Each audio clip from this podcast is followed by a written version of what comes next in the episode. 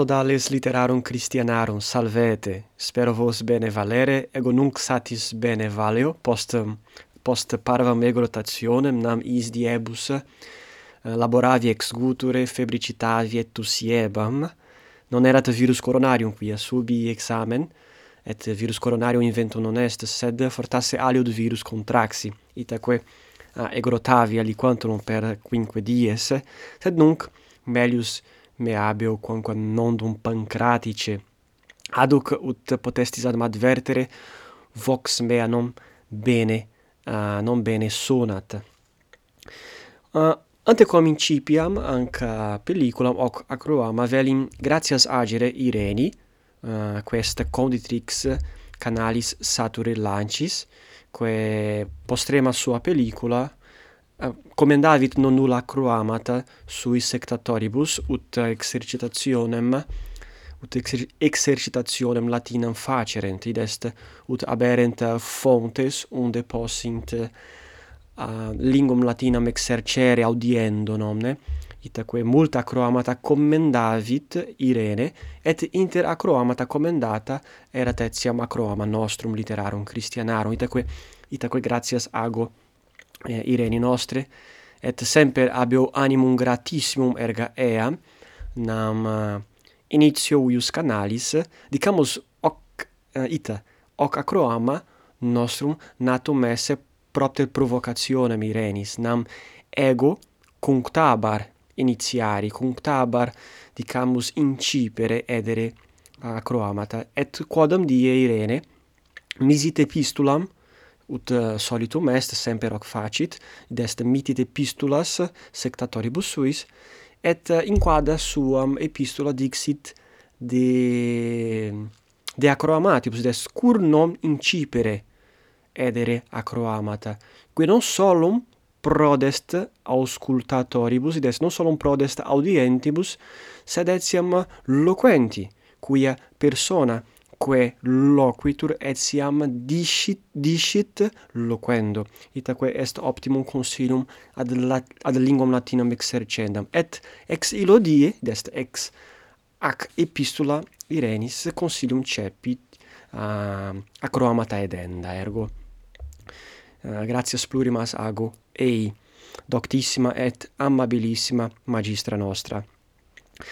Bene, uh, etiam velium hodie vobis uh, ande comincipiam argumentum odiernum, ostendere unc librum, ecce, fortasse potestis videre, si spectatis pelliculam apud tutubum, qui tantum audiunt non possunt videre, certe, uh, ic liber, eh, qui, voc qui vocatur veterum sapientia, potestis fortasse legere, ita credo, veterum sapientia, ic liber editus est, uh, anno bismillesimo duodecimo Nisifalor ad uh, celebrandum quadrages uh, quadra quadragesimum anniversarium Uh, publicationis constitutionis apostolice veterum sapientia pont, veterum sapientia pontificis uh, Ioannis vicesimi tertii quia bene de ac constitutione apostolica posti alloquemur, quia est, dicamus, velut carta magna latinitatis Christiane seculi preteriti.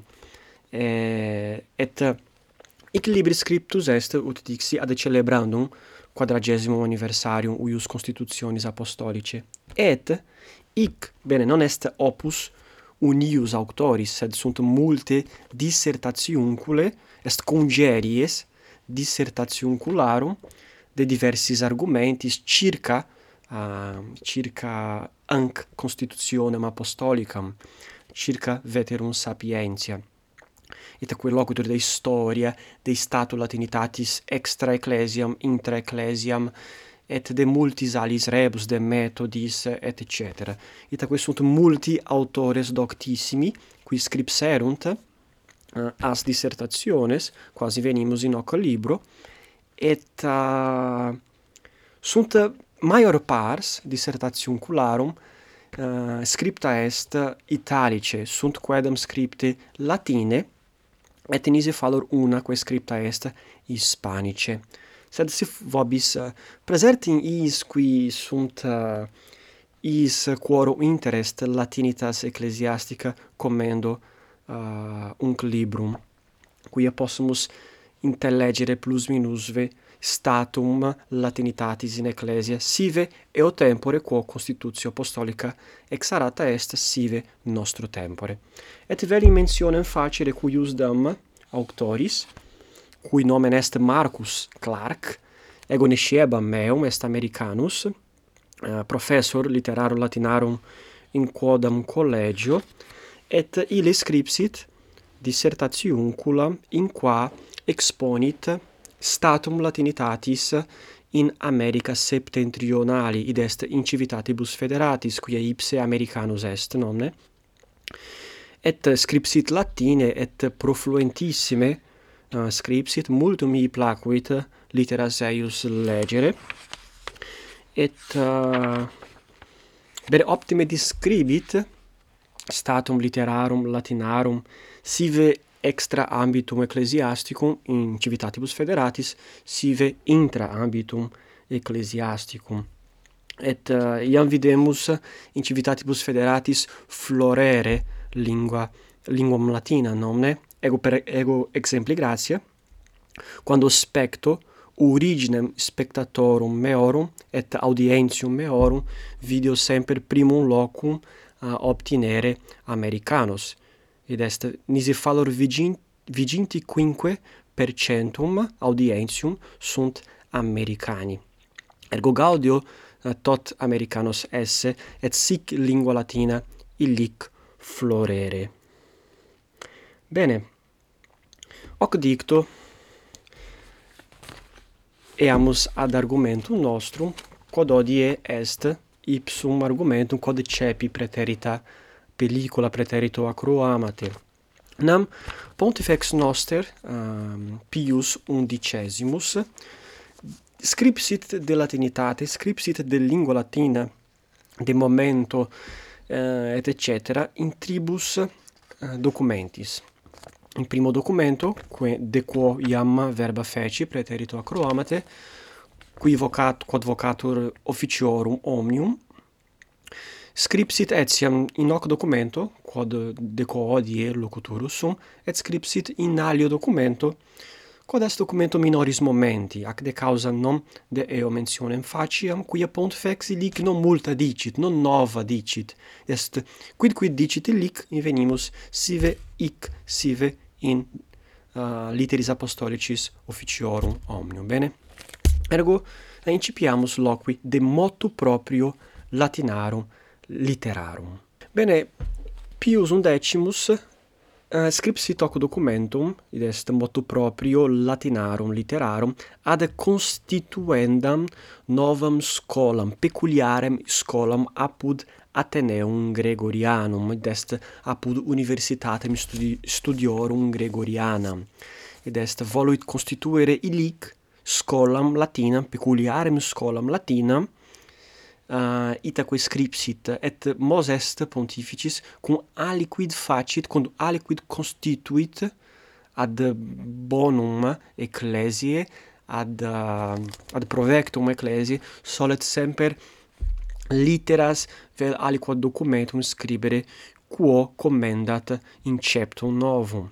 Itaque scripsit Ah, uh, hoc motu proprium quod est, quod habet, dicamus pondus minus, se comparamus cum officiorum omnium, quia illud documentum referebat ad institutionem ecclesiasticam, id est ad novos sacerdotes instituendus. Ergo, erat documentum quod respiciebat omnes, omnia seminaria, id est omnes domus ubi sacerdotes instituuntur, non sacerdotes, ubi seminariste, ubi mm, sacrorum alumni instituantur ad sacerdotium. Itaque est documentum maioris ponderis. Hoc autem est documentum dicamus peculiare id est destinatum est ad rem precisam id est ad constituendam anc scolam. et illic in hoc documento pontifex loquitur de lingua latina et cur ecclesia um, ab abuit cur ecclesia abuerit linguam latinam dignam et cur ecclesia delegerit linguam latinam et fortasse vobis iam est notum argumentum quia in epistulis in litteris apostolicis officiorum omnium uh, eh, eandem rem locutus est pontifex nomne de, a, de eadem re locutus est id est locutus est de causa cur ecclesia linguam latinam uh, elegerit Et nos vidimus illic argumentationem meius, sed qui differet inter officiorum omnium et hoc documentum. In documento officiorum omnium pontifex maxime spectat dicamus eh, aspectum metaphysicum et vidimus uh, pontifex describere indolem essentiam ecclesiae nomne ecclesia sic est et lingua latina sic est. Ergo lingua latina habet dicamus proprietates quae optime conveniant quae optime respondent ad indolem ecclesiae ac de causa optime convenit ecclesiae habere linguam latinam sed nunc pontifex non tantum id est non tanto ad rem metaphysicam ad aspectum dicamus essentialem respicit sed nunc respicit ad partem dicamus perfunctoriam. Et dico perfunctoriam non in malam partem non dicamus superficialiter. Sed dicit sed prebet argumentum spectas aspectum exteriorem lingua latine est quid lingua latina dat ecclesiae cum ecclesia hoc sermone utitur. Ergo videamus argumentationem meius. Bene, in primis pontifex loquitur de dignitate et prestantia lingue latine, sic incipit documentum latinarum literarum, quae quantaque sit dignitas ac prestantia nulli obscurum putamus, qui antiqua earum monumenta non ignoret, atque in humanitatis optimarumque artium studiis aliquem sensum abeat.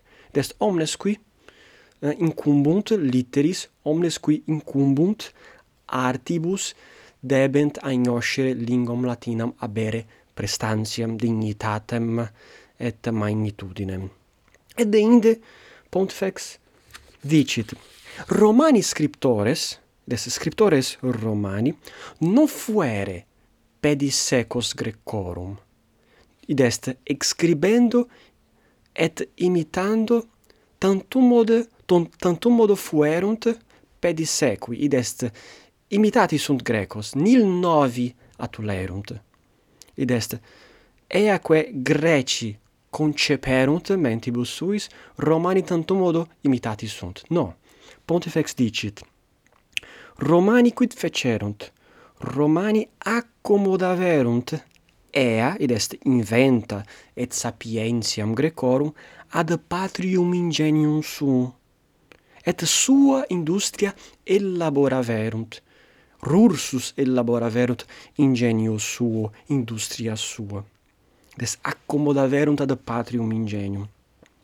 Et hoc est mai momenti, non? Quia multi ego saltem ipse iam audivi homines hoc loquentes id est linguam latina eh, auctores uh, ah, romanos nil novi prebuisse nil novi attulisse uh, ah, si quodatinet ad res philosophicas nomne Sed si sumimus ex exempli gratia opera philosophica Ciceronis, videmus aliquod discrimen inter Ciceronem et philosophos, quos in delicis abuit ipse Cicero.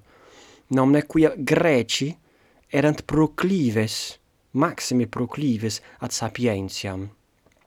Cicero autem dicit bene, sapientia est mai in momenti, sed nil prodest sapientia sine eloquentia quia homo debet semper curare non solum se ipsum, non solum veritatem inquirere, sed etiam tra, uh, tradere anc veritatem inventam ad alios. Hoc est verum emolumentum, id est consulere aliis, non solum sibi consulere, sed consulere aliis. Id est aliquid bonum afferre rei publice, quia dicamus vita uh, communis est maioris momenti quam vita privata. Itaque Cicero hoc dicit nomne, melior, melius est abere eloquentem, qui non est mult nimis sapiens, est sapientissimus, eloquens qui non est sapientissimus, quam abere sapientissimum qui nil a eloquentiae abeat. Itaque dicamus possumus indicare uh, hoc novum Matulisse Cicero, exempli gratia, et multa alia, de qua nunc opus non est sermonem facere. Ergo, quid fecerunt Romani elaboraverunt de industria sua accomodaverunt uh, eh, doctrinam grecorum ad sum ingenium. Et Romani non solum hoc fecerunt, dicit Pontifex, sed gravitate nativa rerum sententiarumque urnaverunt volumina sua, commentaria sua. Id est in amplo apteque composito verborum circuitu, maiestatem cum concinitate elegantiaque coniunxere. Id est Romani gravitate sua ornaverunt volumina. Et nos, nos possumus uh, bene ad, admadvertere gravitatem Romanorum in sui scriptis nomne, et uh, habemus et pontifex locutor de circuitu composito. Amplo circuitu composito verborum. In quo videtur in quo manifestatur quid maiestas? Maiestas cum continitate et elegantia.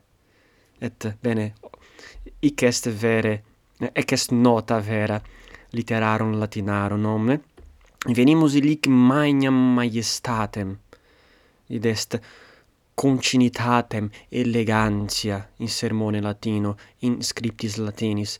A maxime apud eos scriptores qui collebant concinitatem collebant an hoc instrumentum rhetoricum concinitatis.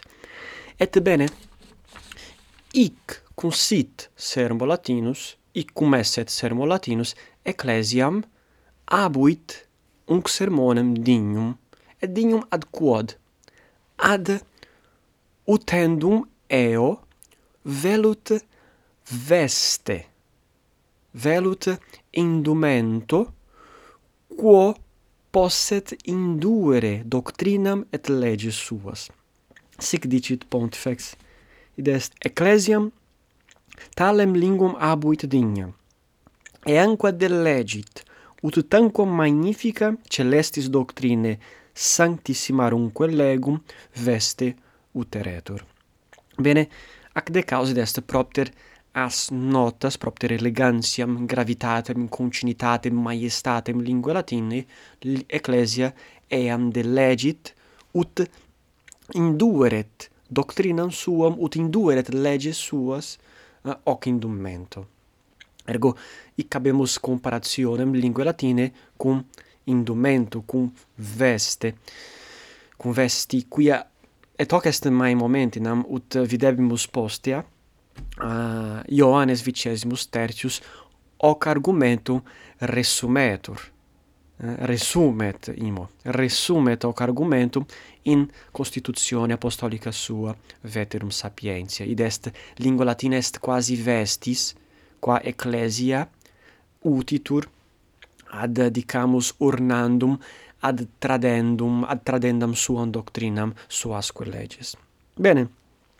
non sunt multa dicende quia est uh, motu proprio est documentum parvum ac de causa non sunt multa dicende postea pontifex non nulla dicit de momento uh, literarum latinarum ut uh, melius discamus linguas nostras nativas, ut melius scribamus linguis nostris nativis nomne, et uh, prebet non, non nulla exempla, sed eh, non, non, non est mai momenti qui a pontifex non dat mai momentum ad hoc argumentum, sed uh, hoc dicit etiam, et deinde dicamus animum sum uh, advertit ad constituendam scholam apud Ateneum Gregorianum. Bene, hoc est motu proprio latinarum literarum, spero vobis placuisse, et in proximo acroamate uius seriei loquemur de alio pontifice qui del literis latinis locutus est. Ergo, gratias ago vobis, et preserti iis qui sunt, qui sunt novi, qui primum venerunt ad uh, litteras Christianas et spero vos semper uh, revertere ad canalem nostrum. Bene? Gratias vobis ago et in proximum valete.